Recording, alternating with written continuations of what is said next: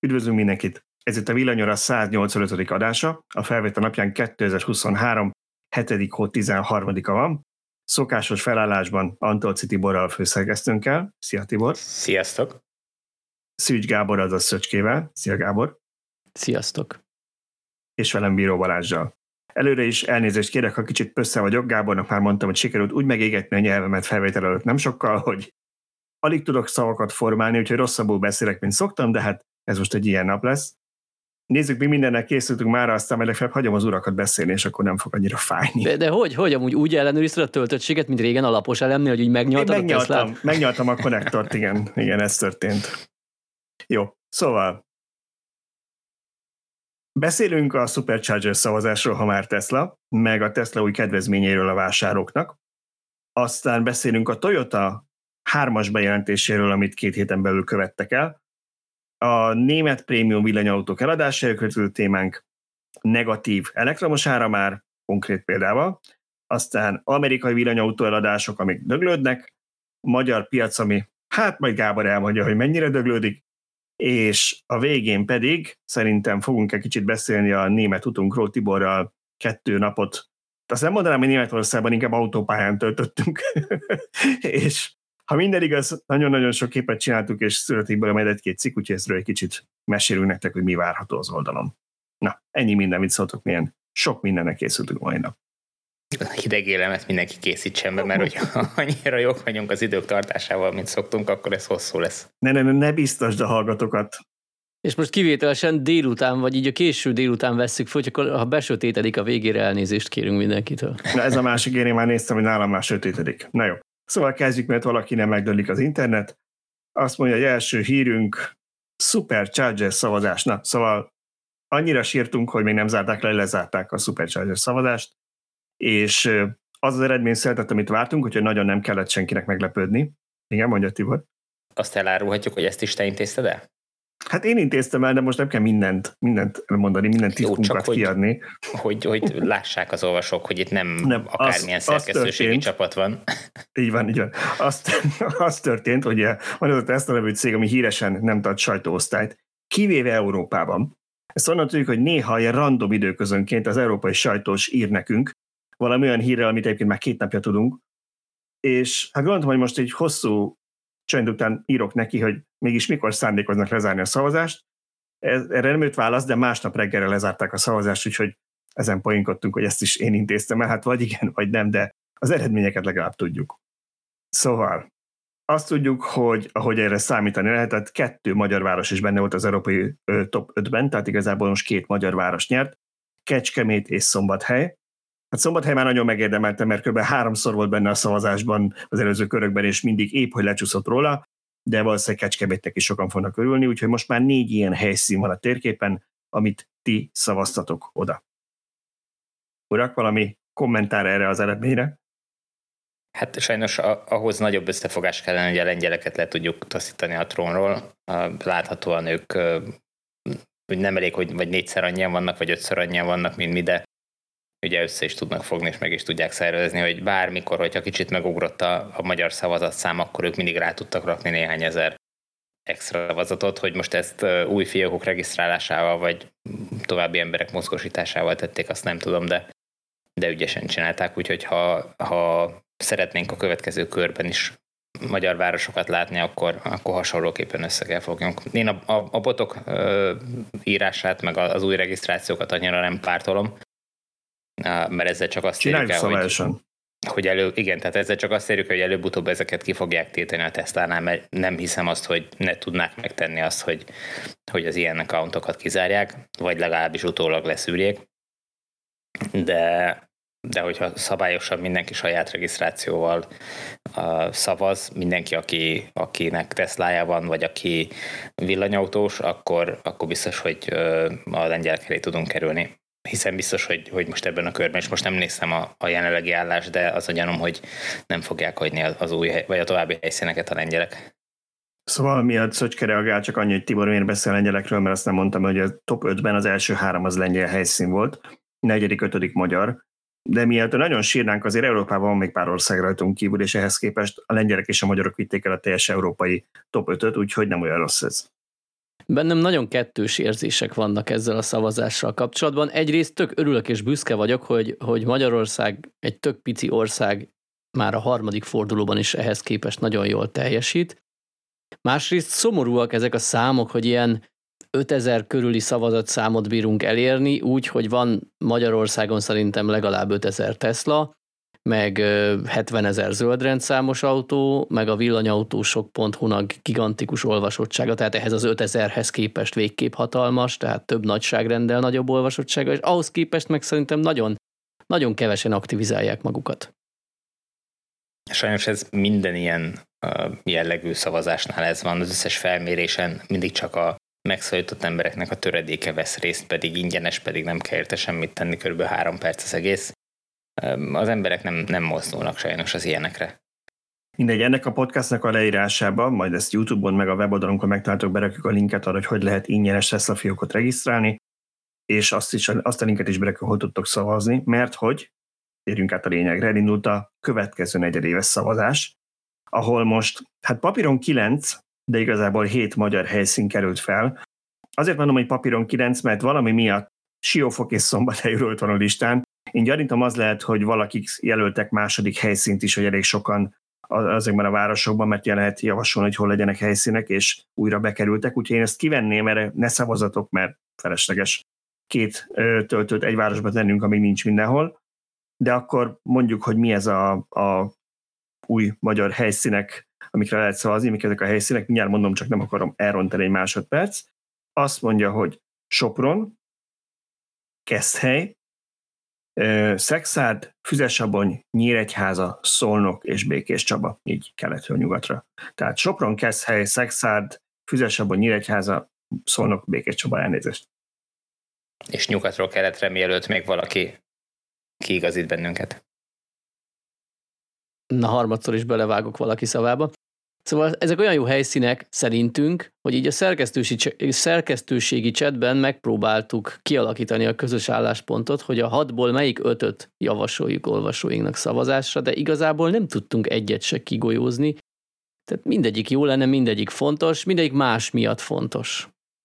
Igen, azért mondja Szöcske, hogy ötöt, mert ugye mindenkinek öt szavazata van egy évre, tehát hogyha regisztrálsz egy fiókkal, vagy, vagy van egy Tesla fiókot, és belépsz, akkor ötöt tudsz szavazni, persze szavazhatsz bármilyen helyszínre a világon, de hát nyilván az lenne, hogyha a magyar helyszíneket kicsit megtolnák a magyar szavazók. Nyilván persze előfordulhat olyan, hogyha valaki keletre utazik, vagy más kelet-európai országba jár rendszeresen, és ott neki jó lenne egy helyszín, akkor persze teljesen értető, hogyha ha oda szavaz, de hogyha egyébként többnyire Magyarországon használjuk a villanyautót, akkor, akkor érdemes lenne magyar helyszíneket propagálni ilyen formában.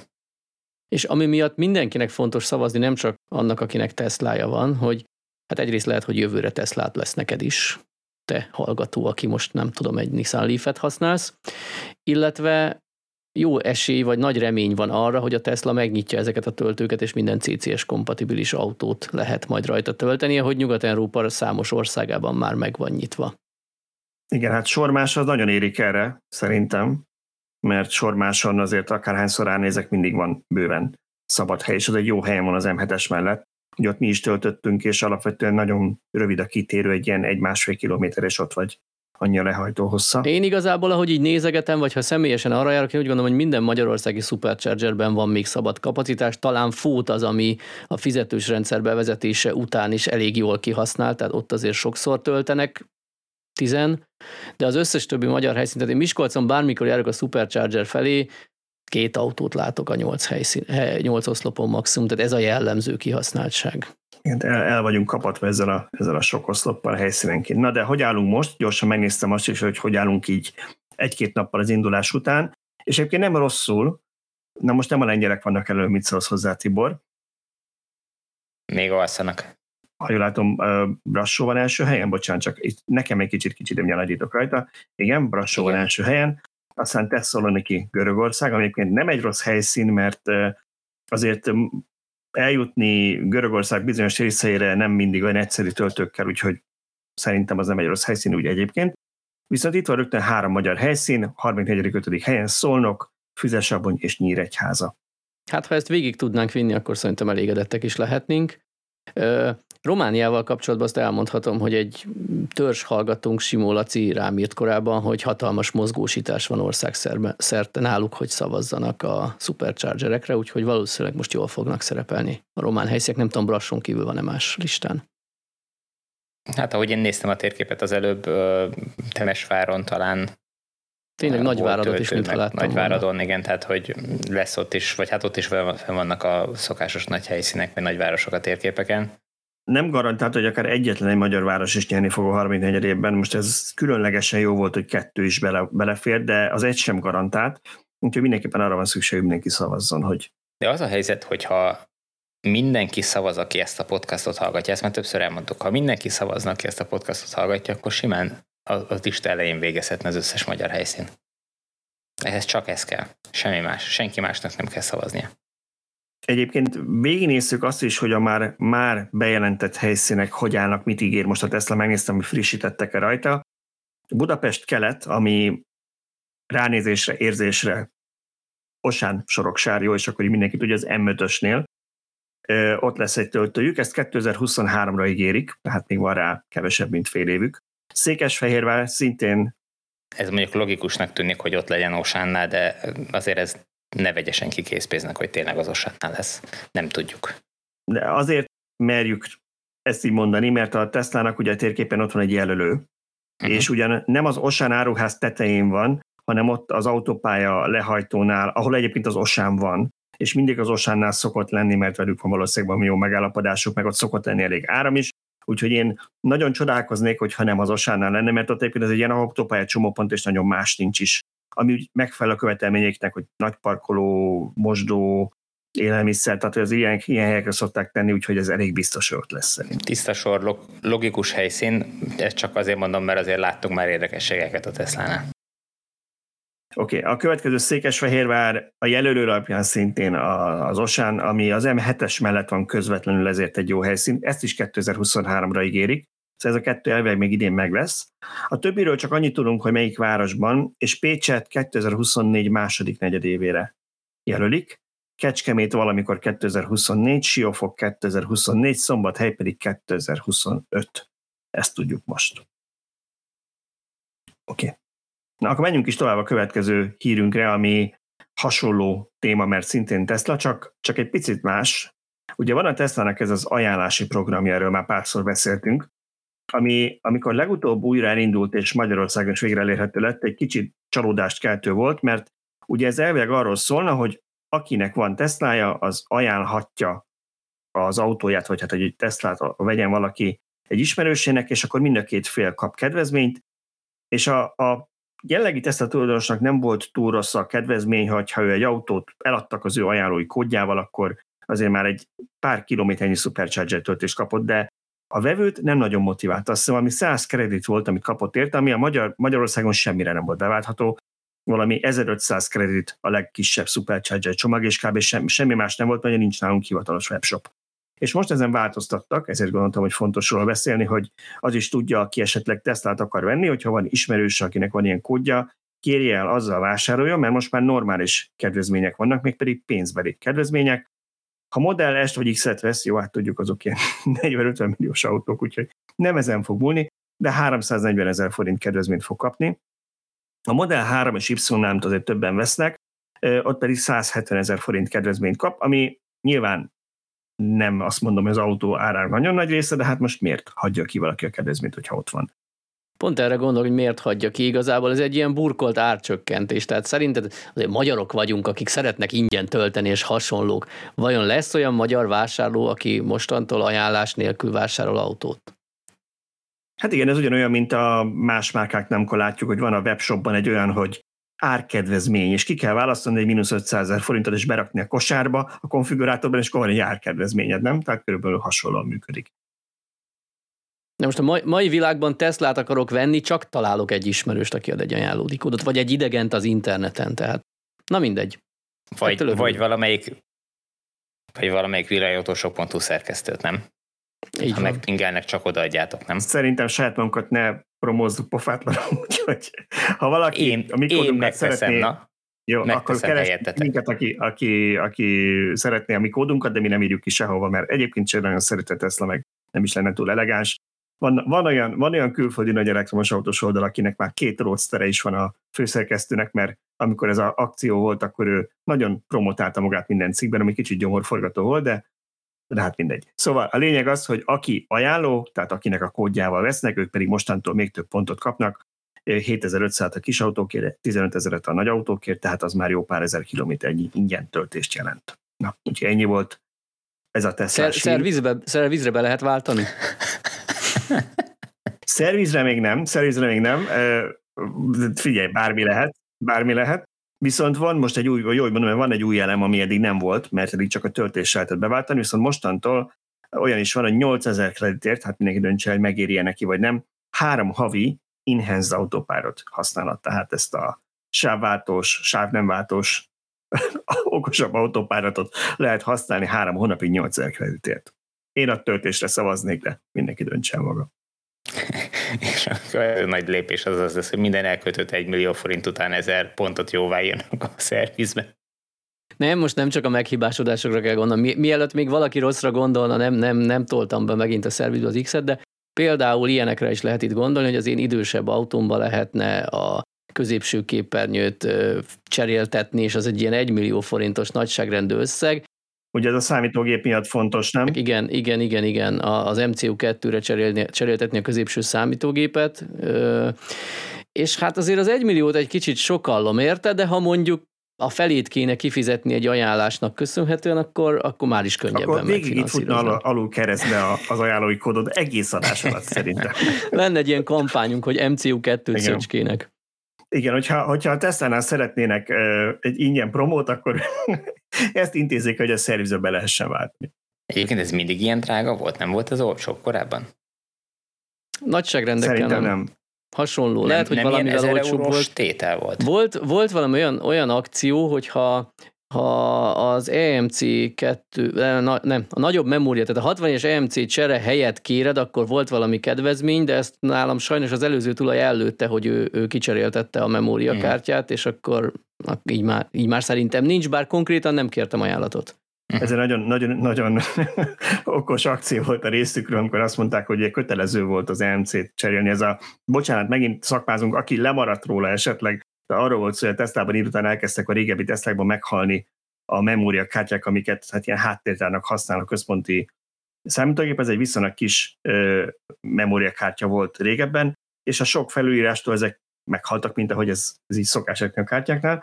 Ezért a Tesla ezt kötelezően ki kellett cserélniük, vagy hát volt egy nagyon erős ajánlás Amerikában, ezért ki kellett cserélni kötelezően ö, mindenkinek, és akkor azt mondták, hogy jó, de végül is, ha te kéred a új számítógépet, akkor belerakjuk ezt is, és akkor arra kapsz egy kedvezményt.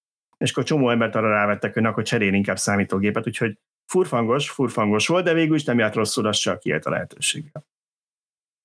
Oké. Okay. Na, Tesla kedvezmények után térjünk át az egyik kedvenc autógyártónkra, a Toyotára, akik nagyon sok mindent bejelentettek az elmúlt hetekben, és ezzel nem foglalkoztunk méltatlanul, viszont azért gondoltam, hogy beszéljünk róla egy kicsit, mert én némi ellentmondást érzek két bejelentés között, aztán megkérdezem az urakat, hogy ezt hogyan kell értenünk.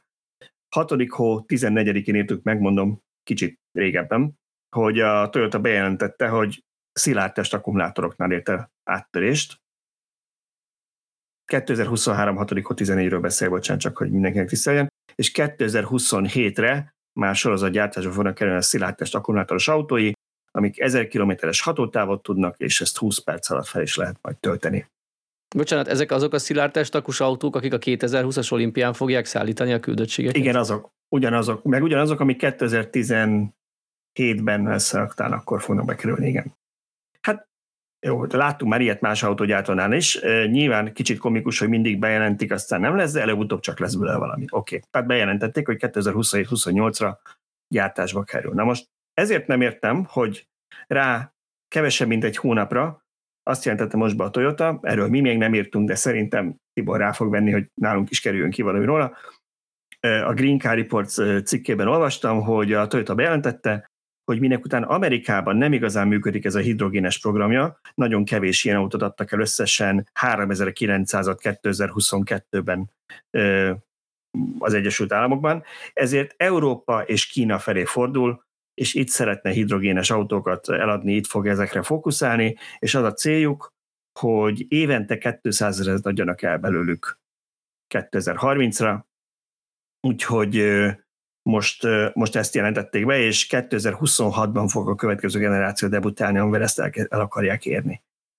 Én sok sikert kívánok nekik, és, és várom a töltőhálózatok kiépítését Toyota támogatással. Ezt, erről nem volt szó, hogy, hogy azt ők szeretnék kiépíteni. Viszont én azt nem értem, hogy ha nekik olyan szilárdtest akkumulátoruk lesz, ami fel olyan súlyú, azt is mondták, fel olyan súlyú lesz, mint a hagyományos akkumulátorok, és 1000 kilométert lehet vele menni, és 20 percet fel lehet tölteni, akkor miért akarnak ugyanakkor hidrogénes autókat is nagy tételben gyártani? Hogy ebben mi a logika szerintetek? Hát az a logika, hogy minden vásárlói kör vegyen még tőlük egy hagyományos hibridet, addig, amíg a általa preferált államtechnika piacra kerül. Így van, valószínűleg jól azonosították, hogy van két olyan ö, kör, vevőkör, akinek már sikerült eladni azt a tézist, hogy a villanyautózás a sákutca, és várni kell a következő nagy technológiára, és mind a két körnek, ugye az egyik kör a hidrogénre vár, a másik kör a széláltest akkumulátorra, és mind a két körnek el tudják ezt adni, hogy ők ott vannak, és, és ők fogják megváltani a világot, mert nekik a technikájuk már, már kézben van. De csatlakozok Szöcskéhez, hogyha megcsinálják, vagy meg tudják csinálni, akkor csinálják, lássuk, hogy, hogy mit tudnak ezzel elérni a piacon hogyha ha összejön, és, és a, a vásárlók szeretik, kedvelik, akkor miért ne? Tehát, hogy én nem vagyok semmi jónak az elrontója. Nyilván nem rajtam múlik egyébként, csak hogy én szurkolok nekik. El szoktuk mondani mondjuk a szilárdtest kapcsán, hogy ugye nem tudjuk, hogy melyik gyártónak a boszorkány konyhájában mi készül. A túlkorai dátumokkal kapcsolatban szoktuk azt mondani, hogy oké, de azért már valaminek szivárognak kéne ilyenkor a beszállítóktól, meg a, a supply chain-től, az ellátási lánctól, mert ez nem úgy szokott történni, hogy bekapcsolnak egy gyártósort, hanem fél év év, hát látjuk a nátriumos aksik is Kínában, hogy mennyi idő kell a felfutásukhoz. És nemrég a CATL-nek az egyik vezető kutatója mondta azt, kérdezték a Toyotának erről a bejelentéséről, most a szilárdás akusról, hogy hát őt nagyon meglepi, mert ő úgy számol, ő, ő úgy gondolja, amit ő ismer az alapján, hogy egyetlen egy gyártó sincs ma a világon, amelyik kereskedelmi mennyiségben költséghatékonyan szilárdtest akkor tudna gyártani, és szerint a Toyota sem tud ilyet, de ha tudnak, akkor sok sikert hozzá, nagyjából ezt mondta. Hát ennyi. Amit, amit meg én szoktam rendszeresen elmondani, hogy, hogy én azt tartom valószínűleg, hogy ha ezt a technológia mégis sorozatgyártásba élet lesz, akkor ezt kisebb eszközökbe fogják először kipróbálni. Nem tudom elképzelni azt, hogy egy Toyota méretű gyártó, amelyik adott esetben több milliót fog, fog gyártani évente ebből, belemerni tenni egyből mindenféle tapasztalat nélkül sorozatgyártott autóba ezt a technikát, vagy pedig ha beleteszi, akkor olyan kis szériás modellekbe fogja beletenni, aminél nem okoz problémát, hogyha három év múlva vagy öt év múlva kiderül, hogy ki kell mindegyikbe cserélni az akkumulátort, mert itt tudom én, akkor kicseréli 200 ezer autóba, hát nem fog beledőlni a, a Toyota, de az, hogy ez, ez tömegmodellekbe a következő néhány évben elterjedjen, kizárt dolognak tartom. Hoztam még egyébként egy kis különlegességet ide, ami még az urak se tudnak róla, én is most jövök rá, beraktam egy képet, amit meg akartam mutatni. Tiborral Németországba jártunk, majd fogunk erről kicsit beszélni az, az adás végén, és lőttünk pár képet, ami ugye nem Toyota, de hidrogénes hajtáslánc felboncolva, ilyet még így nagyon nem láttunk közelről, úgyhogy ez egy másik közelből meg nem nevezett Müncheni székhelyű autógyártó, amelyiknek lehet, hogy ott van a logója, meg a fotója a jobb felső sarokban. De azért hoztam ezt a képet, hogy, mert pont ezt beszéltük Tibor, hogy élőben ez valami elég brutális volt így, hogy milyen hatalmas nagy ez a hidrogénes hajtáslánc. Ugye ott a kép legelején van a villanymotor, a kép leghátulján, illetve ha lapozok egy másik szögből, akkor már szemből akkor látszani fog, hogy talán aki YouTube-on nézzenek, mutatom, hogy ez itt egy akkumulátor egyébként, meg, meg inverter, meg minden egyéb, ami egy elektromos hajtáshoz kell, csak egy kisebb akkumulátor itt elől meg ez a villanymotor és minden egyéb. Közte pedig ez a két hatalmas tartály az, amiben a hidrogént tárolják, erre a 600 km körüli hatótávra, amit ezek az autók tudni szoktak. Ugye a Toyota-nál a Miraiban három van, de gyanítom, hogy az összkapacitásuk nagyjából ugyanennyi. Úgyhogy ez elég brutális, és arról beszéltünk a Tiborral, hogy rendben, hogy most valaki azt mondja, hogy ez a tüzelanyagcellás történet, ez még lesz tömörebb, kisebb, nem fog ennyi helyet foglalni, mert fejlesztik, de ezekkel a tartályokkal nem tudnak mit csinálni, amikben a hidrogént tárolják. Ugye a hidrogént vagy mínusz 250 valahány Celsius fokon tárolod, good luck with that, erre mondják, ugye, mert hogy elég sok energiába kerülne, mínusz 18 fokos fagyasztó elég sokat fogyaszt, hogy mínusz 250 fok, a másik, hogy nagy nyomáson kell tárolni, az meg így néz ki. Nekem összeállt, a szilárd test akku fogja biztosítani a 253 fokos hűtőnek a Na jó. energiát.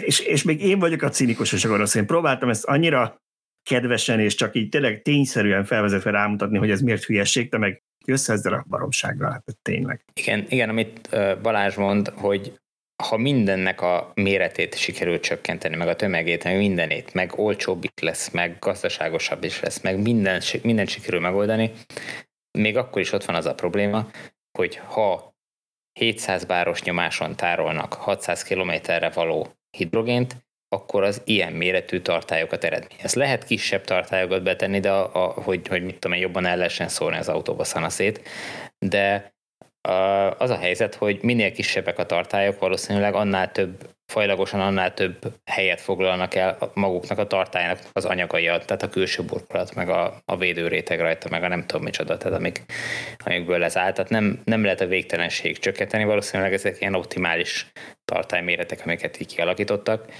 Így viszont elveszi a csomagtartót, elveszi az ülések közötti helyet, meg, tehát hogy, hogy nagyon, nem, nagyon nem tűnik praktikusnak mindaz, mind, mindezt azért, bocsánat, mindezt azért, hogy ne 10 perc alatt vagy 15 perc alatt töltse fel az autót valaki, hanem mondjuk föltöltse 3 perc alatt 100%-ra.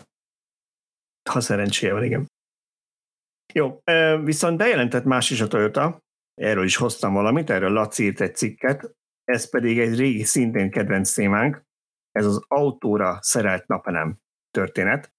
Viszont itt most annyiban érdekesebb, hogy ugye a Toyota már jelenleg is gyárt ilyet, csak mindig az tudunk beszélgetni, hogy ilyen egy-másfél milliós felárral nagyon sokat nem ér az, hogy annyi áramot termelek meg, amennyi el is megy az, hogy lehűtöm az autót, mert hogy napon álltam.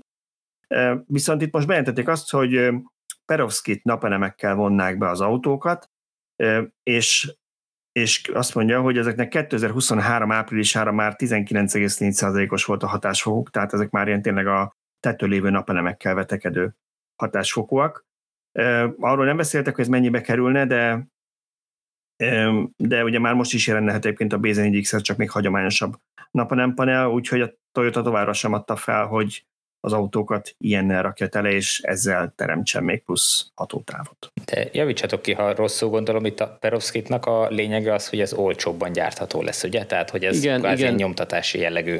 Nyomtatási eljárással később még akár arra is lehet remény, hogy ez az autó hagyományostól kicsit eltérő festési eljárásával lehessen felvinni a felületre, tehát nem teljesen ördögtől való ez, de, de az autó felülete sosem lesz elég nagy és elég jól tájolt ahhoz, hogy igazán jól tudjon termelni. Nyilván, hogyha kellően olcsó lesz a technológia, akkor egy picit hozzá tud tenni a hatótávhoz. És, és amikor tényleg olyan apróságokkal képesek a autógyártók a fogyasztáson takarékoskodni, mondjuk lehagyják a hátsó ablaktörlőt azért, hogy ott nem tudom, egy nagyon picit csökkenjen a fogyasztás a jobb légállásnak köszönhetően, akkor igenis számíthat egy ilyen megoldás is. Csak még egy hátsó ablaktörlőt lehagyni, az nem kerül semmibe, sőt gyakorlatilag egy minimális megtakarítást is eredményez, addig a napelemmel felszerelni az, az felár. Tehát valahol itt ennek, ennek pénzben kell átbillenni. Abszolút, ez egy gazdasági kérdés. Pénzben az egyik, hogy nyilván pénzben, de a másik meg az, hogy praktikusságban. Tehát amiről beszéltünk, hogyha ahhoz, hogy én energiát termeljek a napelemmel, ugye általában célszerű napon lenni az autónak, mert úgy garázsban vagy, ha én árnyékban parkolnék, akkor persze ott is van majd szórt fény, tehát nem nulla lesz, de azért kevés. Ha én kiállok a napra, és emiatt 60 fokos lesz utas témére visszamegyek, és lehűtöm az autót, és ezzel annyi vagy több energiát fogyasztottam el, mint amit megtermeltem, akkor nek az egésznek semmi értelme nem volt. Azon túl, hogy a szomszédoknak, meg a haveroknak elmondhatom, hogy nekem olyan frankó autóm van, ami napelem van, és én mennyire zöld vagyok. Ennek lehet, hogy eszmei értéke van, de praktikusan nincs. Ha ez hatékonyságban is annyi, meg annyira tudják növelni a felületet, amit bevonnak ezzel, tehát nem csak a tető helyett, hanem mondjuk minden karosszérielemre, hogy mondjuk kétszer-háromszor annyit megtermelsz, mint a lehűtéshez kell, akkor lehet arról beszélni, hogy valami elvi értelme van, nem? Hát igen, de hogyha ha tényleg ilyen jelképes összegű összegre tudják vinni az árát ennek. Tehát, hogyha mondjuk azt mondják, hogy a, ilyen lesz a festése a kocsidnak, amelyik még áramot is termel, és ez mondjuk, mit tudom én, a metálfény az 300 ezer forint, ezt meg megkapott 600 ezerért, akkor, akkor én könnyen el képzelni, hogy ezt tömegek fogják választani, már csak a, a jó érzés miatt, hogy a napon lévő autó is termeli a, az áramot. A, de nyilván egyébként, egyébként az a helyzet, amit te mondasz, hogy, hogy nem biztos, hogy értelmes erre költeni ezt a pénzt, hogyha mondjuk hasonló összegből egy sokkal több energiát termelő otthoni napelemrendszert lehet összerakni. Például. Na jó, hát ezt meg, megbeszéljük újra, hogyha bemutatják ezeket az autókat, és kaphatóak lesznek, hogy pontosan mennyire áraszták be, meg mekkora felületen, és mennyit termelnek. Oké. Okay. Nézzük a következő hírt vagy hír kategóriánkat. Ez pedig eh, német prémium márkák, nevezetesen Mercedes és BMW autóeladásai. Igazából csak azért, mert mind a ketten nagyon jó hírt jelentettek a villanyautók kapcsán, gondoltuk, hogy kicsit akkor már nem mindig csak rossz híreket osszunk meg veletek, végre jót is tudjunk jelentősen növekedtek, duplázódtak az elektromos autó eladásaik, úgyhogy mindjárt a youtube kedvéért belekok azért erről egy grafikont, és ígérem nem nagyon sokat, hogy ne kelljen túl sok számot megegyezni, igazából csak gyártónként egy-egy grafikon van. A mercedes kezdjük, a Mercedes-Benz és ebben benne van a Smart is. 515 ezer személyautót adott el, és ebből 61 ezer elektromos volt a második negyed évben ami azt jelenti, hogy majdnem 12% volt már az aránya az elektromosoknak a Mercedes forgalmában. Ja, és ez 96%-os növekedés az előző év hasonló időszakához. Azt itt tudjuk, hogy ez tisztán elektromos, vagy a plug-in hibrid is bele van Ez tisztán számolva? elektromos. Na, tisztán az elektromos. így már, már is szebb. Ez szerintem brutálisan jó. Úgy, hogy igazából ezeknél a márkáknál nem is jelentős, hogy, hogy eddig nem törték magukat, hogy, hogy nagy mennyiséget értékesítsenek ezekből az autókból. Most a másik jelöltünk a BMW, akkor mutatunk egy BMW számot is, ott hasonló, hogy még ennél jobb számok is voltak. A BMW, ez, bocsánat, ez itt most csak a tisztán elektromos autóit raktam ide, azt mondja, hogy összesen 88.289 tisztán elektromos autót adtak el, ami 117 os növekedés. Ebben benne van a Mini meg a BMW is, és egyébként ugye itt a BMW nyilván több autót is ad mint a Mini, meg hát tudjuk a Mininél éppen ilyen kifutóban, meg félig befutóban vannak ezek az autók, szóval, hogy még várjuk, hogy az új Minik majd megjöjjenek, de itt is elég nagy növekedés van. A BMW márkánál 150%-os a növekedés az előző év hasonló összekához képest, 78 ezer elektromos autót adtak el, tisztán elektromosat. És ezt ráraktuk egy ilyen gyönyörű szebb grafikonra is, hogyha valaki ezt szereti látni, mert hogy előző negyedében arról beszéltünk, hogy csökkentek az elektromos eladásaik, de ez valami átmeneti zavar volt az erőben, ugyanis most újra növekedtek, és szerintem ez valószínűleg rekord. Hát ezek, ezek abszolút jó hírek, és nagyon jól mutatják, hogy merre halad a világ. Itt a grafikont. Én nyilván azt nem szeretjük meghosszabbítani ezeket a grafikonokat, a vonalakat, trendvonalakat, de, de hát nyilván ez várható a következő években is, hogy ez csak növekedni fog. Nyilván a 100%-ot azt nagyon későn fogja elérni, sokáig lesznek még kisebb szériában olyan autók, vagy kisebb számban, amikben lesz még hagyományos meghajtás, de a nagy többség az elektromos lesz belátható időn belül. Egyébként csak, hogy ezzel nem maradjunk adósak, a BMW-n is, ha jól emlékszem, ilyen 12% körül volt az elektromosok aránya, úgyhogy igen, 12,6% volt az idei év első fél évében a teljes portfólióban az elektromos eladás. Úgyhogy igazából már ott is egy jól látható mennyiség. Hát gratulálunk nekik. Na hát Tibor gratuláció után akkor menjünk tovább a következő boldog-boldog témánkra. Európában már neked fizetnek, hogyha töltöd az autódat, született a kattintásvadász cím valakitől, és valóban azért, azért megvédem magamat, mert hát ez nem, nem volt teljesen alaptalan. Ugyanis erről már többször beszéltünk így elméletben, hogy hát igen, hallani ilyet, meg tudjuk, hogy van, ahol ilyen szabad tarifa van, de most van konkrét három példa is az elmúlt pár hétben, hogy nézett ez ki. Németországban egy autótulajdonos azt mondta, hogy feltöltött az autóját, és meglepett tapasztalata végén még egy eurót kapott is érte, ez ilyen otthoni töltés volt, tehát otthoni tarifája volt ilyen, hogy, hogy így változhat. És ő 10 kWh töltött csak fel, tehát nem túl sokat, és akkor volt plusz egy euró. De egy Dány villany, villanyautós meg azt ö, osztotta meg, hogy 6 óra alatt 66 kWh ment a kocsiba, és 17 eurót kapott ezért ő a azt elektromos szolgáltatótól. És még volt egy ehhez kapcsolódó hírünk, ez egy holland ilyen közösségi autó megosztó, a WeDrive Solar, akinek a, vezet, vagy aminek a vezetője Twitterre kiposztolta, hogy az a fura helyzet állt elő, hogy pár autót kivettek a rotációból, mert jobban megérte nekik, hogyha töltenek, feltöltik őket teljesen áramban, mint hogyha az autókat használták volna az ügyfelek, ugyanis többet kerestek a negatív elektromos energiár miatt ezzel. Igen, és sajnos Magyarországon nem jut el ez a végfelhasználókig, legalábbis a lakossági fogyasztókig az, az árazás miatt, pedig nálunk is megvan a negatív ár, hogy én a Telexen olvastam erről egy cikket néhány hete, hogy hétvégén, amikor az üzemek nem fogyasztanak, jelentős a napsütés, és még szél is van hozzá, amikor a napelem is jobban termel, meg az a néhány szélerőmű is betermel, akkor bizony Magyarország is képes, kénytelen negatív áron exportálni, értékesíteni, akármi, milyen jó lenne ezeket betölteni az autókba, csak hát erre ösztönözni kellene valami az embereket, mert néhányan vannak, én a villanyautós csoportban több embertől olvastam, hogy ő csupán jó fejségből is csinálja, mert egyszerűen neki jó érzés, hogy közvetlenül tudja, hogy biztosan napelemmel töltötte fel napenergiájával az autóját, de ez a kisebbség. Tehát a többséget csak anyagi ösztönzőkkel lehetne elérni. Igen, hát szerintem ez egy két dolgot mindenképpen említsem meg, mielőtt szétszenek minket a kommentekben, mert ez így kerek. Ugye nagyon sokat beszéltük az elmúlt hónapokban, sőt az elmúlt években szerintem most már a magas energiárakról, és azért akartam ezt a hírt behozni, nem mindig csak arról beszélünk, hogy mennyire borzasztóan magasak az energiárak, mert ez valóban így volt, meg mennyit emelkedtek. Lássuk van, amikor ez lefelé is tud változni, és, és negatív is tud lenni. A másik pedig az, hogy ilyenkor meg szoktuk azt kapni, hogy Hát már ezért, ezért hülyeség ez a sok megújuló. Most látszik, hogy mekkora baj, ez nem normális, mekkora baj van ebből.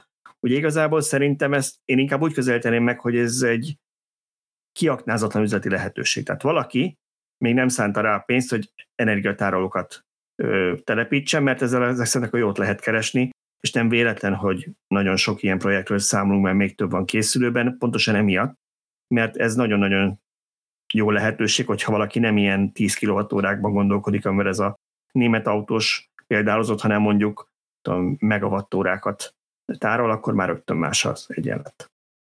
Egyébként ennek kapcsán egy érdekes együttműködésről Szlovákiából olvastam. Ott az egyik legnagyobb töltőszolgáltató, a Greenway kötött szerződést egy áramszolgáltatóval, aki azt tűzte az ászlójára, hogy ők megújuló energiát közvetítenek lakosságnak, cégeknek, és egy olyan együttműködési szerződést kötöttek, hogyha én, mint fogyasztó az adott céggel, akinek sajnos nem emlékszem a nevére, nem titkolni akarom, hanem így nincs meg fejből, és nincs előttem a cikk, tehát ha velük kötök szerződést, akkor választhatom azt, hogy én nem filléreket kapok a, a csúcstermelési déli időszakban bet, a hálózatba betermelt ö, napelemes, saját napelemes áramért, hanem azt nekem egy ilyen virtuális számlán gyűjtik, és utána az adott elektromobilitás szolgáltató nyilvános töltőim betölthetek utána valamennyit az autóban, autómba. Nem annyira jó az átváltási száma, hogy emlékszem, ha mondjuk 100 kWh-át feltöltök a saját otthoni napelememből, akkor abból ilyen 20-30 kWh-át tudok tarifától függően, mert ott azt így pénzre váltják át, tehát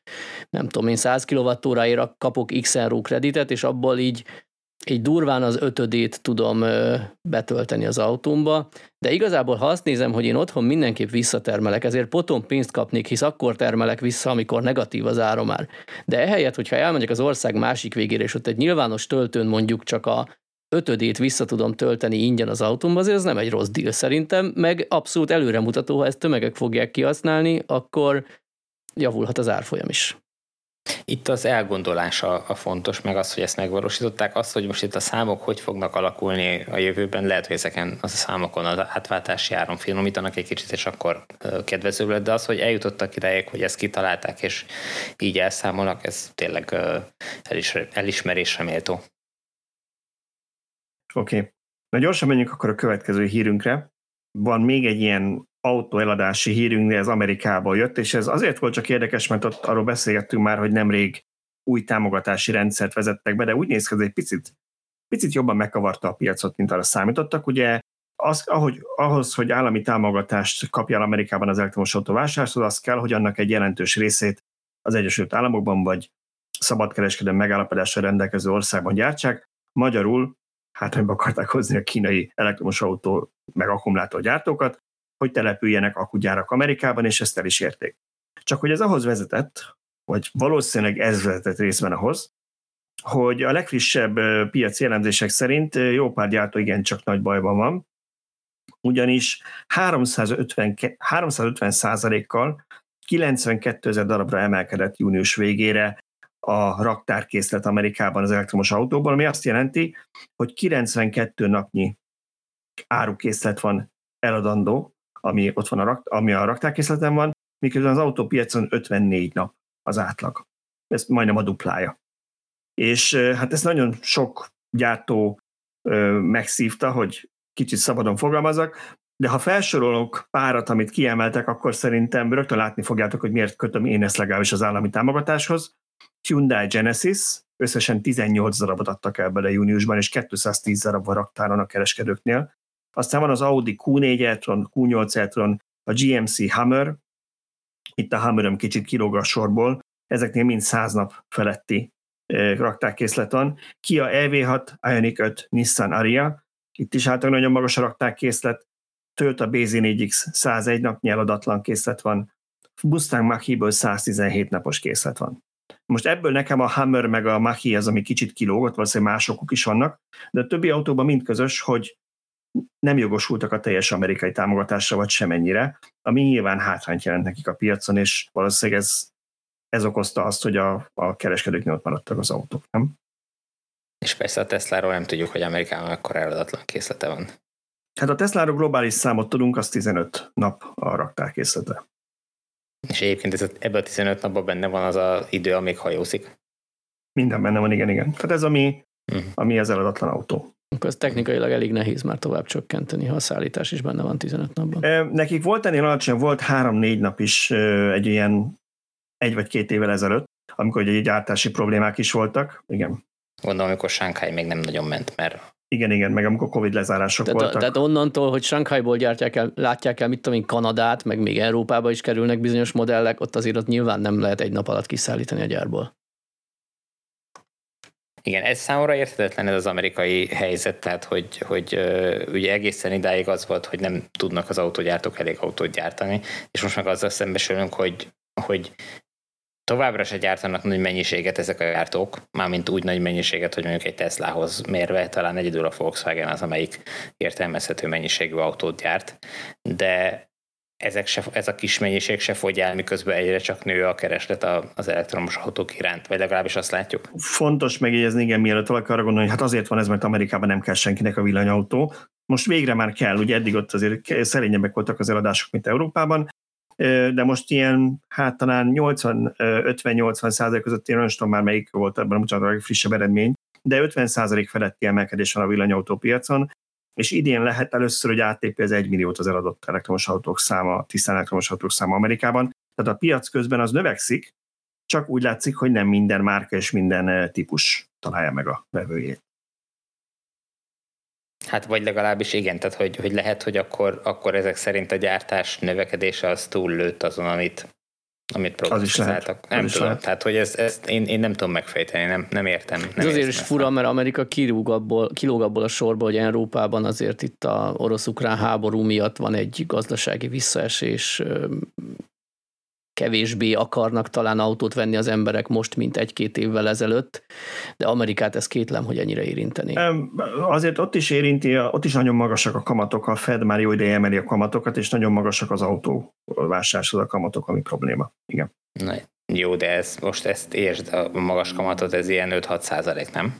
Hát most konkrétan meg nem mondom mennyi, viszont, a, a, viszont minden, minden márkára ugyanúgy vonatkozik. Tehát ez, ennek önmagában nem kell nagy különbséget okozzon márkák között. Na, de akkor ezzel azt akarod mondani, hogy a Tesla szárnyal, az összes többi márka meg, meg hát nem fogy Nem én mondtam, hanem a CNBC, ami egyébként általában hát szívesen elmenne a Tesla temetésére, de most ők írták meg, vagy ők az ő oldalukon olvastam, hogy míg előző évben 225 ezer darabos eladási előnye volt a második helyzettel szemben a Tesla-nak, idén 300 ezer körüli. De az a szerkesztő, amelyik ezt lehozta, az már nem dolgozik ott, mert... Hát elképzelhető kirúgták. már, amelyikben kérdezi, nagyobb, nagyobb krumplival és üdítővel kéred a menüt, igen. igen. Egyébként tényleg a Ford ló ki a sorból. A Ford ló ki a sorból, azt kell mondjam. A Fordnál az, az a vicces, hogy ugye egyrészt ott van az F-150 Lightning, amire tudjuk, hogy 200 ezer előrendelés van. Tavaly 15 ezeret tudtak legyártani belőle, idén az első fél évben 8 ezer valamennyit ami nekem döbbenet, mert ugyanebből a típusból a hagyományos verziójából 340 ezeret vagy 50 ezeret gyártottak le, meg adtak el. ehhez képest legyártottak 8000-et az elektromosból úgy, hogy van rá 200 darab előrendelés. Hát, hogy Jó, és akkor mennyi áll eladatlanul? Azt nem tudom, a konkrét számot az f nem tudom, hogy mennyi áll eladatlanul, fogalmam nincs. De, de mindenképpen fura. A Makinál ugye tudjuk, hogy évelején leállás volt, mert áttértek a más akkumulátorra, úgyhogy ezzel magyarázzák. Hozzáteszem, hogy a Makinál 117 napos raktárkészlet van, tehát az ilyen abszolút rekord, ami az ember azt gondolja, hogy ha lát a gyártás, akkor annak ki kellett volna nullára kopnia, és már mindenki ott topzódna a boltok előtt, hogy elvigye az új makit, és miért nem gyártják, úgyhogy ezt sem értem. De hát minden nem értünk mi sem. Na de akkor térjünk hát a magyar piacra, és van egy magyar eladási adatunk is, amiről Szöcske szerintem te írtál. Hát igazából a e-havi zöldrendszámos statisztikáról írtam, ahonnan én, én levontam így egy lépéssel távolabbról nézve, nem pont ezt a grafikonról, mert ugye itt az látszik, hogy folyamatos a növekedés és egyenletes a, mhm. a görbe emelkedése, viszont a másik grafikon megnézve azt látjuk, hogy így ellaposodott az egy hónapban eladott darabszám. Tehát igazából már több mint egy éve, egy ilyen szűk másfél éve havi 1600 körüli zöld rendszámot osztanak ki. Nyilván vannak ebbe kisebb-nagyobb kilengések, van, amikor 1500 alá bemegy, volt olyan hónap, amikor az 1800 is megnézte, de igazából a trend az nem emelkedik, hanem így az 1600 körül ingadozik. És nem gyorsul a elektromos autók, illetve a zöldrendszámos autók térnyelése. A zöldrendszámokon belül a tisztán elektromos az, az már átvette a vezetést egy másfél éve, és azóta folyamatosan nő a tisztán elektromos arány, de összességében a, a zöldrendszámos, tehát a, nyilván ebből a hibridek teszik ki a másik jelentős részt, az nem annyira növekszik, tehát eléggé megtorpant a magyar tiszta üzemű autópiac, amit nyilván tudunk mivel indokolni, alátámasztani. Ugye azért Magyarországon, egyed, Európában egyedülálló módon van egy 20% feletti infláció, amit nyilván lekövettek a, a kamatok is. Nyilván sok embernek fontosabb vagy alapvetőbb megélhetési gondjai lettek, mint hogy ő most autót cseréljen. Bár ehhez hozzá kell azt tenni, hogy azért az elektromos autók sajnos még elég drágák ahhoz, hogy ne az a kör vásárolja ezeket, akiknek alapvető megélhetési gondjaik vannak. Tehát úgy gondolom, hogy, hogy az a kör, aki, aki 10-20 milliós autót vesz, ő még mindig dönthetne úgy, hogy a dízel helyett tisztán elektromost választ. Hogy ez mennyire így van, és elnézést kérek a YouTube-osoktól, mert ugyan Szöcske mondta másik grafikon, de Balázs azt nem töltötte le, és nincs itt előkészítve, úgyhogy tessék megnézni Szöcske cikkét, aki szeretné a másik grafikont is megnézni. Szóval, hogy ez mennyire így van, hogy most megnéztem, kíváncsi voltam, hogy mi volt Magyarországon az első fél évben a legnépszerűbb autó, ugye autó úgy általában, ami a Skoda Octavia, ami után senki nem lepődik meg, hát egy Skoda Octavia az úgy jól hangzik, mint magyar legnépszerűbb új autó. Ennek jelenleg a legolcsóbb induló alapára 11 millió 860 ezer forint. Tehát a legnépszerűbb magyar új autó 12 millió forintba kerül, és egy Skoda. Úgyhogy Jó, itt tartanak az autóárak. Igen, de nagy valószínűséggel ezeket a Skodákat nem privát vásárlók veszik, hanem céges. De, nem, ugye Magyarországon mindig is a kb. a kétharmada a piacnak az a, az a céges volt, tehát úgy önmagában, ami egyébként máshol is van, hogy 50 szól, nem arról van szó, hogy ez példátlan bárhogy, és én nem azt mondom, hogy, hogy ez azt jelenti, hogy az embereknek hirtelen ennyi pénzük lett, csak hogy abban igazán Szöcskének, hogy alapvetően aki új autót vesz, az, az eleve már megengedheti magának, hogy 10 milliós autót vegyen, mert már nem 3-4 millió forintos új autók vannak, meg 6 millió forintos új autók. Igen, annyit hozzá kell tenni, hogy a zöldrendszámokat, amit mi statisztikát közlünk, azt használtan az országba hozott autókra is adják, tehát a mi statisztikánkban az is szerepel, nem csak az újként eladott autók. Korábbi években, ahol erről készítettünk, vagy kaptunk külön adatokat, olyan durván fele-fele került a rendszámoknak új és használt autókra. Nem tudok friss adatot, de az a gyanúm, hogy a használt import talán, vagy nagyobbat esett, és talán most a felénél több kerülhet új autóra. Igen, és akkor ebből viszont az jön, megismerve a, a teljes autópiacnak az eladásait, az jön le, hogy nagy valószínűséggel a elektromos autók értékesítésében, újkor értékesítésében nem volt akkora visszaesés, mint a hagyományos autóknak az értékesítésében. Tehát amennyire tudjuk, megállt a teljes autópiac, tehát nem csak az elektromos autók iránt nincs kereset, hanem úgy általában autók iránt se. És nagy valószínűséggel azért a cégeknél is behúzták a kéziféket, ahol, mit tudom én, kicsit is bizonytalan a piac, vagy, vagy, vagy azt látják, hogy, hogy elképzelhető, hogy el kell bocsátani majd embereket, akkor nem fognak már új flottákat berendelni, hanem azt mondják, hogy húzzuk még két héten, vagy két évvel meghosszabbítjuk a leasinget, vagy mit tudom, bármit, és, és maradnak még az autók, nem vesznek újakat. Ezt nagyon sok ismerősömtől hallom, aki céges autót kap a munkáltatójától, hogy míg korábban automatikusan cserélték a három éves autókat, akkor is, hogyha valaki alig használta és 20-30 ezer kilométer volt benne, most azért megnézik, válogatnak, hogy melyik példányt cseréljék le, melyiket ne, illetve tolódik ki 5-6-7 évre is akár, amíg egy autót használni kell. Igen, azért, hogy a, hogy a, a cégeknél mi van, az nyilván a cégek helyzete befolyásolja meg, hogy éppen mik a prioritások, meg, vagy nekik hogy megy a biznisz, de a magánszemélyeknél biztos, hogy a magas hitelkamatok beját, közrejátszanak. Megnéztem egy ilyen kalkulátor oldalon, a legjobb, legolcsóbb autó hitelkamatok 14,5%-ok voltak 5 millió forintra. 10 milliót veszel föl, akkor, ami azért nagyon sokan megmondanak, hogy 10 milliót fölvegyenek egy autóra, akkor, akkor már csak 13,5%. De ez tovább is azt jelenti, hogy 5 millió forintra 7 milliót kell visszafizetni 5 év alatt. Tehát azért ezek elég brutális költségek. Amit én még így láttam, anélkül, hogy komolyan utána néztem volna, csak így megütött az utcán vagy a reklámban, hogy elkezdtek akciózni a autókereskedők, és nem feltétlenül az autók árából engednek legalábbis még, hanem megláttam ilyen THM kedvezményeket. Tehát azt hiszem pont a Toyota hirdeti a BZ4X-et 4,9%-os THM-mel, ami bőven a piaci THM alatt van, illetve nem emlékszem, hogy milyen típusú hagyományos tesztautót láttam felmatricázva Miskolcon a városban a minap, amin ott virított nagybetűkkel, hogy 5% THM. Én kicsit úgy érzem, hogy abban reménykednek, vagy abban bíznak a finanszírozók, kereskedők, hogy a következő években lentebb esik, jelentősen csökken a kamat, és az árakból még nem nagyon akarnak, mernek engedni, de a finanszírozással már érzik, hogy, hogy engedni kell, és esetleg az egy-két évben bevállalni úgymond a bukót, hogy a 10x százalék THM helyett 5 százalék körül adják, reménykedve abba, hogy a, a kamatperiódus vagy a, vagy a időszak második felében ez már majd legalább nullára visszabillen, vagy akár még keresnek is rajta.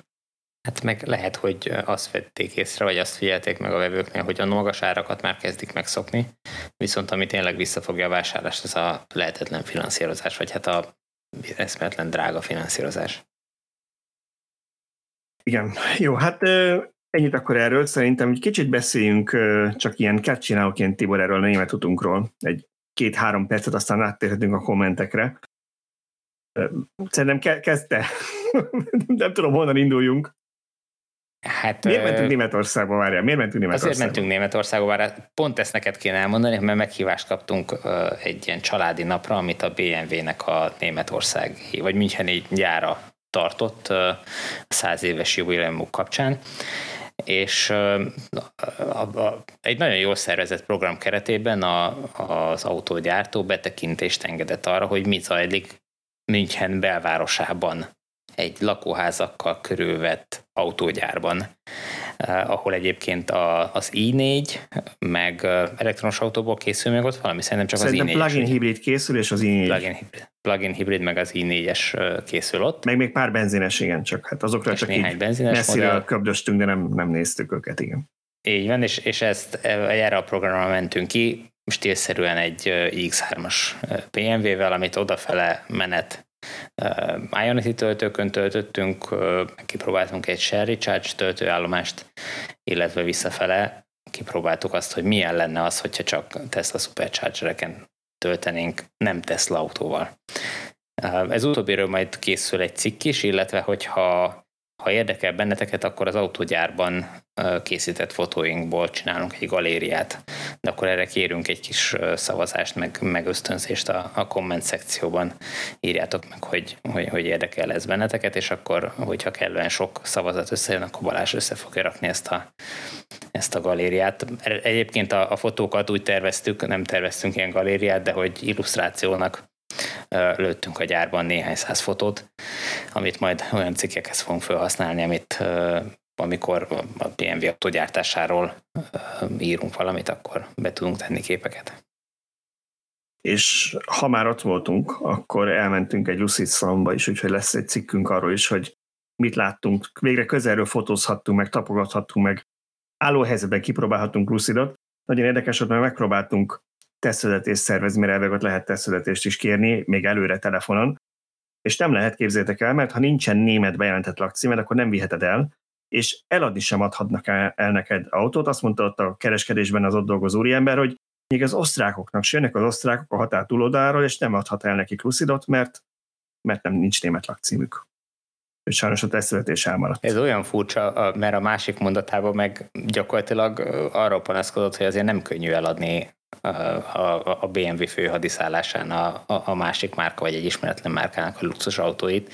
Szóval ott nem láttuk, amíg ott nem voltunk egy fél órán keresztül, senki nem nyitott be a szalomba, hogy, hogy megnézze ezeket az autókat. Vagy hát ezt az autót, mert csak egy volt kiállítva. Nagyon érdekes, nem tudom, hogy lesz-e nálunk róla a cikk, majd Tibor elmondja, hogy írjak-e róla, mert nem tudom, mennyire érdekesek a Lucid eladási, eladási számok így negyed évente azért az olvasóinknak, de most jöttek a legfrissebb számok, és mindössze 1400 autót adott el Amerikában a Lucid az elmúlt három hónapban, ami kevesebb volt, mint az előző negyedében, is kevesebb volt, mint... Pedig az is kevés volt már, nem? Az is kevés volt, de még ahhoz képest is visszaesett. Hát de akkor lehet, hogy azért van ez a korlátozás Németországban, mert amúgy nincs is eladó autójuk, csak mégis szeretnének jelen van, lenni, hogy a köztudatba bekerüljön. Igen. Több ezerrel több van legyártva nekik raktára, mint amit eladtak, igen. De akkor nem kéne megakciózni Itt ezeket? a kelet-európai érdeklődő odament, Balázs és Tibor von Ungárn szeretett volna befizetni, és nem adták. Látod, nem hitték el rólam, hogy Lucidot akarok venni. Egyébként, egyébként jó, jó pofa autó, tehát uh, vannak benne tök jó megoldások, meg minőségileg teljesen rendben van, néhány dolgot kifogásoltunk, de de... Legmeglepőbb dolog, legmeglep, meg, legmeglepőbb dolog a Luciddel kapcsolatban neked mi volt? Ö, Hát, hogy egy nagy autónak gondoltuk, és közben 5 méter alatt van a, a hossza. Igen, igen, nekem is ez, én azt hittem, hogy megkérdezett, megkérdezett ott minket az eladó, hogy tippeljük már meg, hogy mekkora ez az autó, mondtuk 5,5 méter, mint egy 7-es BMW vagy S-Merci, 4 méter 9. És annyira lapos, széles, hogy azt hinnéd, hogy egy sokkal hosszabb, nem kicsi, Igen. de egy ilyen nagyobbnak gondolnád. Igen. A másik, és főleg a BMW gyárban tett látogatásunk után éreztem ezt, hogy a kiállított motor, ami hajtja, mit tudom, hány lóerős, ez Balázs lehet, hogy fejből vágja, de egy erős motor hajtja, nyilván az egyik legjobban gyorsuló autóról beszélünk, az egy nagyon kis picik szerkezet. És ugye a BMW gyárba, illetve nem is a BMW múzeumban jártunk, ott meg ki voltak állítva különböző ilyen nagy teljesítményű motorok, és hát mit tudom én, ötször akkora, vagy, vagy tízszer akkora volt, mint ez a, ez a hajtóegység, vagy meghajtóegység. Egyébként hozzá kell tennem, hogy nem csak a Lucidnak az elektromos motorja kicsi, hanem a BMW-nek az elektromos hajtása is kicsi. Ezt most nem a, nem a BMW versus Lucid kapcsán mondom, hanem az elektromos versus hagyományos meghajtás. Igen, azt tudjuk, hogy a Lucidnak egy nagyon-nagyon hatékony, nagyon jó motorja van, amit többen irigyelnének, úgyhogy, úgyhogy az tényleg egy jó példa erre, hogy hová tud ez fejlődni. Hát Igen. akkor, ha, ha, ha senki nem veszi, akkor majd felvásárolja valaki, melyik gyártó ezért a technológiáját. Pont erről beszéltünk pont erről beszéltünk mi is Balázsra, hogy, hogy ha, ha, ha autógyártóként nem is boldogulhat, de lehet, hogy majd itt a technikát el tudják adni valakinek. Igen, igen. Jó, szóval, hogy ennyi tízerként, mert hogy jusson idő a kommentekre is, beszéljünk akkor arról, hogy mi mindent üzenetetek nekünk az elmúlt héten. Először is, mert én nem mondtam el, de kérünk mindenkit, hogy iratkozzon fel, lájkolja a videókat, kapcsolja be a harangokat a YouTube-on, és ha lehet, akkor értékeljen minket a különböző podcast fórumokon, hogy minél többen olvassanak minket, és minél többen hallgassák a podcastot. Amit euh, még mindenképpen akarok mondani, hogy szeretném megköszönni pár embernek, akik euh, pár forinttal támogatták a podcastot a YouTube-on. Illés Endre, Szakács Zsolt, Jakab Hajdók László, Aba Zsolt és Frankenberg Dávid, ők voltak azok, akik most vagy mostanában pár száz forinttal megtámogatták meg a podcastot, nagyon szépen köszönjük nekik. Szóval ennyi köszönő után azt is elárulhatom, hogy a legnépszerűbb komment témánk az az volt, amit kérdeztünk tőletek, hogy legyenek kezdők 10 perce, hogy hogyan segítsünk az új villanyautósoknak. Pedig ezt amúgy poénként vetettük fel, ha jól emlékszem, nem? Tehát először félig, csak így viccelődtünk. Hát igen, ilyen minden viccnek fele igaz. Szóval, hogy a legtöbb komment erre jött, és kivétel nélkül azt mondta, hogy nagyon jó ötlet, mindenki nagyon szeretné, ha lenne, viszont az volt a többségi vélemény, hogy ne itt. tehát ne ebben a podcastban, mert ezt inkább geekek hallgatják, meg hogy ez ehhez nem is jó formátum, mert beraknánk egy ilyen 10 perces blokkot egy másféles podcastba, ezt egy kezdőautós nem találja meg, aki mondjuk a témáról keres. Javasolták nekünk többen a YouTube shortsot, hogy esetleg ott ilyen nagyon rövid videókat, vagy külön rövid videókat, egy rövid videósorozatot vegyünk fel erről. Érdekes, hogy kevesen írták, hogy legyen elő írott anyag, szerintem ma már elég sokan szeretnek egy videóba vagy audióba tartalmat fogyasztani. Hát most, bocsánat, de ez, ez teljesen egyértelmű, hogy ha egy, egy, egy audióban, meg videóformában elérhető felületen, vagy egy ilyen adásban kérdezed meg, hogy milyen formátumú legyen, igaz. akkor nyilván nem fogják az, az írott anyagot választani. Tehát. Igen. De van, aki azt mondta, hogy ő azért nem tartja jó ötletnek, hogy az oldalunkon legyen. Persze nyilván mindent lehet valahogy megjelölni, hogy könnyen megtalálható legyen, mert a csomó napi hír meg cikk között elvesznek az ilyen anyagok. Teljesen jogos. Kaptunk, kaptunk pár témajavaslatot is, bocsánat, azt nem reagálhatsz, csak hogy akkor erre is tudsz reagálni. Azt mondták, hogy olyan dolgokról lehetne itt beszélni, vagy, vagy mutogatni dolgokat, mint a töltés, a különböző appok, hogy segítsünk el, eligazodni egy kezdő autósnak, csatlakozók, adapterek, milyen szakszavak, amiket használunk, azok mit jelentenek, mire figyeljen az, aki mondjuk egy öreg, egy használt villanyautót akar venni, mire figyeljen oda, lehet ezeket javítani, meg mire kell odafigyelni a karbantartásnál, hogyan kalkulál például egy profi, mint Tibor, téged említettek, egy Nissan Leaf-fel, hogyha azzal mész hatótávot, hogy segítsünk annak, aki ez még, még kezdő és parázik, hogy mikor ér el hova, illetve hát a tévhitek cáfolata az egy népszerű javaslat volt. Hát nagyon, nagyon köszönjük ezeket a javaslatokat egyébként. Igen, annyi jó ötlet érkezett, meg annyi, annyi tip, meg irány, hogy, hogy elkezdtünk erről beszélgetni, és, és rögtön ö, döntésképtelenek is lettünk, mert nem tudtuk így eldönteni, hogy akkor pontosan milyen forrán, hogy, meg hogy is csináljuk, de ö, fogunk keríteni erre időt, hogy ö, kitáljuk ennek a részleteit, és ö, akkor indítunk egy ilyen sorozatot. Oké. Okay. Na, akkor volt egy pár komment egyéb témákról is, töltés, töltés ügyben volt elég sok. A perc alapú számlázás, ugye a Mobility-nél múltkor beszéltünk róla, hogy most már csak 5 forint a perc alapú, és egyébként meg kilovattóra alapú lett végre a DC töltés. És valaki azt mondta, hogy szerinte az lenne a célszerű, hogyha az első fél órában el lenne engedve ezt, tehát nem lenne ez 5 forint se.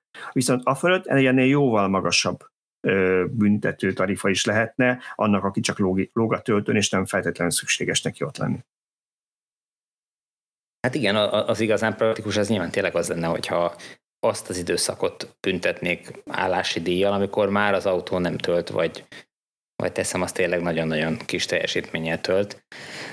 Uh, szerintem el kell jussunk ide, elképzelhető, hogy el fogunk jutni erre a szintre a mobility is. Ezek ilyen apró lépések, amiket meg kell tenni ahhoz, hogy, hogy előrébb juss, vagy eljussunk oda. Ha már ez a segít, segítség a kezdő villanyódosoknak. Valaki azt megkérdezte tőlünk, hogy mi a véleményünk arról, gyönyörűen fogalmazom, tehát valaki azt kérdezte, hogy mi a véleményünk arról, hogy a rövid vagy, vagy kis mennyiségű töltések ilyen 5-10 kWh ártanak-e a kocsinak, hogyha csak ennyit töltöget rá valaki? Hát a BMW úton hazafele nekünk volt egy megállónk, mert siettünk. Ez egy furcsa dolog, azért álltunk meg, mert siettünk. De mindössze négy percet töltöttünk, azt hiszem 9 kWh ment bele ez alatt a négy perc alatt az autóba, és ez pont ez kellett ahhoz, hogy időbe megfelelő tempóval odaérjünk Balázsnak a vonatához, amivel haza tudott jutni. Úgyhogy uh, szerintem nem. Én se hinném, hogy ártanak. Én, én itt azt a példát hoznám, hogy szokott-e lassítani az az autós, mert ugye minden lassítás egy visszatöltés egy ennél jóval kisebb energiamennyiség visszatöltése. Tehát aki lemeri venni a gázról a lábát menet közben, az bátran töltsön kis mennyiséget. Jó, nyilván itt ebben lehet ilyen jellegű dolog, hogy nem konkrétan az akunak, hanem mondjuk akkor a töltés, vezérlő elektronika, retesz mechanizmus, stb. ezt mind, hogy ha nagyon sok kicsit töltesz, akkor jóval többször aktiválod, hát igen, lehet, hogy ezeknek lesz egy megnövekedett kopása, de azért elég nagy baj, hogyha ez nem bírja ki az autó élettartamát nagy valószínűséggel az autók többségénél még így se fogják elérni azt a, a töltés számot, vagy retesz mm, szelési számot, amire tervezik ezeket a reteszeket, tehát hogy ez nem hiszem, hogy gond. Meg hát egyébként Jeff Dunn-tól volt egy cikkünk, vagy, vagy az ő egyik előadásáról volt most egy cikkünk, amiben ő szintén ezt javasolta. Ha jól emlékszem, hogy, hogy rövid kicsi töltéseket tervezzünk inkább, inkább minden nap töltsünk, töltsük vissza azt, amit elhasználtunk, mint hogy mondjuk nullára lefutassuk, vagy 10%-ra lefutassuk az akkumulátort. Igen, bár őt rögtön szétszették a kommentelők, hogy ez akukémiától függ, és így van. Igen, és nyilván ez az ember nem ért hozzá, viszont, és a cikkben nem volt leírva, hogy ez a, az NCA meg NMC kémiákra vonatkozik, mert nem volt benne. Persze benne volt. Szóval, ez hogy ő azt mondta, volt. igen, ez, ez irónia benne volt természetesen, legközelebb nem csak bolt, hanem nagyobb betűtípusra is fogom írni, hogy mindenki meglássa. Azt ne csináld, azt úgyis kiveszem. annak, annak nem segít, aki a Facebookon a cím alapján ír kommentet, és nem olvassa el, amire kommentel, de ez már messzire vezet. Szóval, hogy ő azt mondta konkrétan, hogy az ilyen mindennapi használatra bejárok dolgozni. Azt célszerű csinálni az NMC vagy NCL kémiáknál, ez az autóknak a régebbieknek a 99%-a, most meg mondjuk mindig kb. a fele, a nagyobb hatótávolautókban mindenképpen ilyen aksik vannak, hogy én 40-60 százalék között használjuk, és akkor tudom, én elmegyek dolgozni, hazamegyek, lemegy 40-re, megint visszatöltöm 60-ra, másnap ennyivel megyek el, de természetesen, ha valaki hosszabb távra megy, vagy valamiért kell nekek, hogy nyugod, ő is azt mondja, nyugodtan használja, nyugodtan villámtöltsön, nagy teljesítménnyel, semmi baj nincs ezzel, csak a mindennapos, naponta csak elmegyek a melóba, oda megyek vissza, ne azt csináljuk, hogy feltöltjük 80%-ra a vasárnap este, péntekre nem egy, vagy péntek estére 10%-ra, és újra feltöltjük 80-ra, szerintem jobban kíméli az autót, hogyha 46 között használják. Most ugye itt arról van szó végletekig leegyszerűsítve, hogyha mondjuk 0 és 100% között használjuk az akkumulátort, amit nyilván nem tudunk pont így használni, mert egy, egy puffer van alól fölül, amit a, a BMS kezel, de hogyha ha, ha így használnánk, akkor mondjuk ezerszer lehetne föltölteni az akkumulátort. Most csak mondtam egy számot, nyilván ez eltérő kémiától, meg mindentől függően. Hogyha ha pedig, mit tudom én, 20 és 80 százalék között, akkor föl lehet tölteni, vagy, vagy nem ilyen ciklusban, de teljes ciklusban mondjuk bír 2000-et, tehát már már ezzel megdupláztuk az akkumulátornak az élettartamát.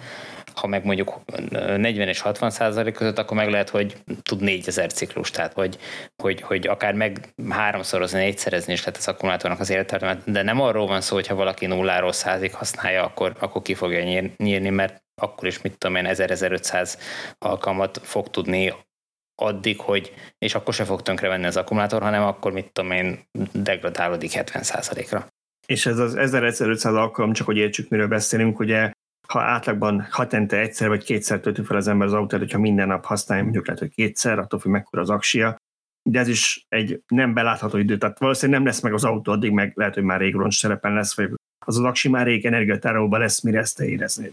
Igen, ez, ezek most ilyen hasraütött számok, itt most csak a, a nagyságrendek érzékeltetésére akartam mondani, hogy nem arról van szó, hogy itt meg fog dögleni az akkumulátor, hogyha ha, ha 0 és 100 között használjuk folyamatosan. Egyszerűen csak arról van szó, hogy fölöslegesen kár terhelni, amikor nem szükséges. Oké. Okay. Következő kommentünk a változó energiárakra volt, pontosabban arra, hogy esetleg mondjuk napközben is változnak. Valaki azt hozta példának, hogy ő nagyon szívesen használna ezt úgy, hogy olyankor tölt, amikor olcsóbb, vagy amikor jót tesz a hálózatnak. Neki olyan töltője van, amihez lehet is ilyen kiegészítőt venni, azt mondja, hogy még az okosház rendszerébe is be lehet ilyet iktatni, csak amikor utána nézett, kiderült, hogy az a probléma, hogy Magyarországon se adat, se adatközlő nincs, Magyarul ennek a rendszernek semmi nem fogja tudni megmondani, hogy mondjuk 10 óra és 12 óra között kellene tölteni, vagy akkor nem kellene tölteni, mert nincs erre felkészülve a magyar rendszer. Hát ahol rezsicsökkentett áramár van fixen a nap minden szakaszába, ott, ott ez van.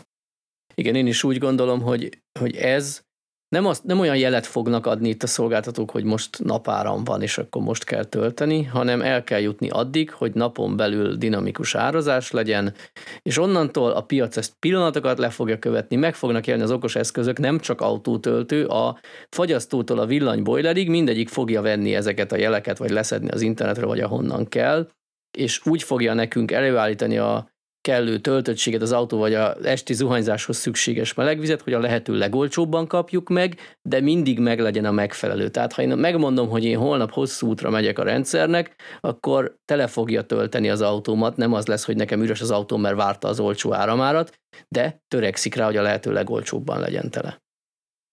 Abszolút, és nyilván itt az áramtősdén egy napra előre nagyjából látni, hogy mikor mennyi lesz az áramára, tehát még ezzel tervezni is tud az autó. Oké. Okay. Következő kommentünk, utolsó előtti, az arról szólt, hogy miért kerül ilyen sokba, valaki azt mondja, hogy nagy teljesítményű villámtöltőknél általában a töltés is drágább, hiába nem képes annyira az autó, ami éppen tölt, ki kell fizetni a 300-as töltőt, hogy az EON, EON Aldi cikkre volt komment, még akkor is, ha az autó csak 45-70-nel tud tölteni. Igen és nem. Én azért nem érzem ezt komoly problémának, mert nálunk már szerencsére egész jól el vannak szorva az 50-es töltők, és úgy gondolom, hogy amikor ez fejlődni fog, mert muszáj, hogy fejlődjön, mert el vagyunk maradva a környező országoktól, már Kelet-Európától is, nem csak nyugattól, akkor nagy valószínűséggel nem lecserélik ezeknek a töltőknek a javát, hanem mellé kerül plusz egy töltőfel, hiszen szükség lesz kettőre.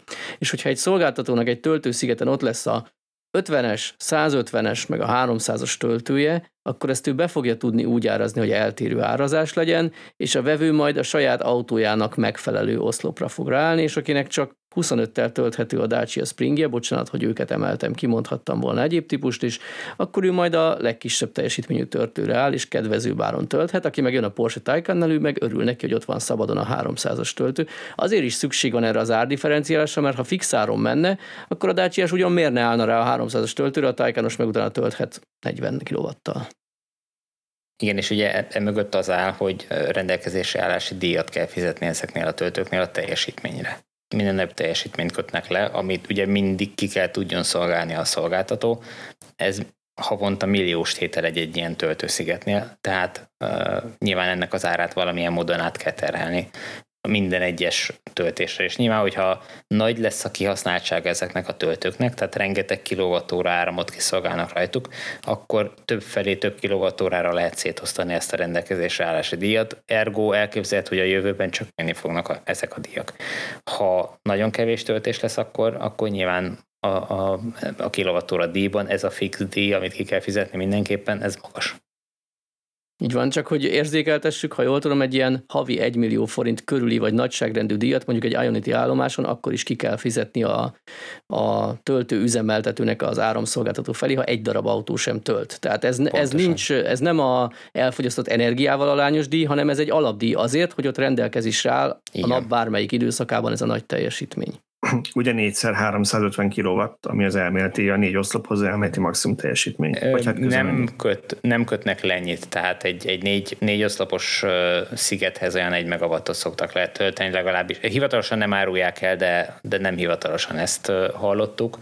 De én például kérdeztem ABB-seket a, a az Asti Olaszországban, ahol van az a 18 állásos Ionity töltő, ott jártunk, és pont ott csináltak valamit, és azt mondta a zsác, hogy ő nem tudja, de ő úgy tippel, hogy két megawatt van lekötve az egész a 18 oszlopnak tehát hogy, hogy az, az meg relatíve kevésnek tűnik. Én szerintem annál picit több, de biztos, hogy nincs lekötve 18x350 kW. Igen, és ez, hát ezt, a Tesla ezt már régóta csinálja ők is, ahol ilyen 30-40-50-es töltőket raknak, mondani, hogy annyi darabot tesznek le, mm. vagy Amerikában látunk ennél nagyobb százas töltőszigetet is, ott nem, tölt, nem kötnek le 250 wattot százszor, vagy kilowattot százszor, mert az igencsak brutális lenne. Igen.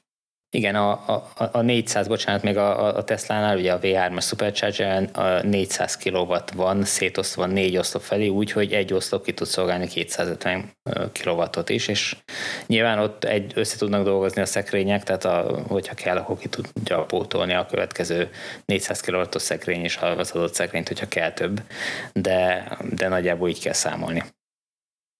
Szóval utolsó kommentünket azért választottam be, mert Tibor megkaptad, hogy baromi rosszul gondolkozol, és egy következő kommentben megkaptad, hogy igazad van. Úgyhogy mind a kettőt Na. felolvasnám, jó?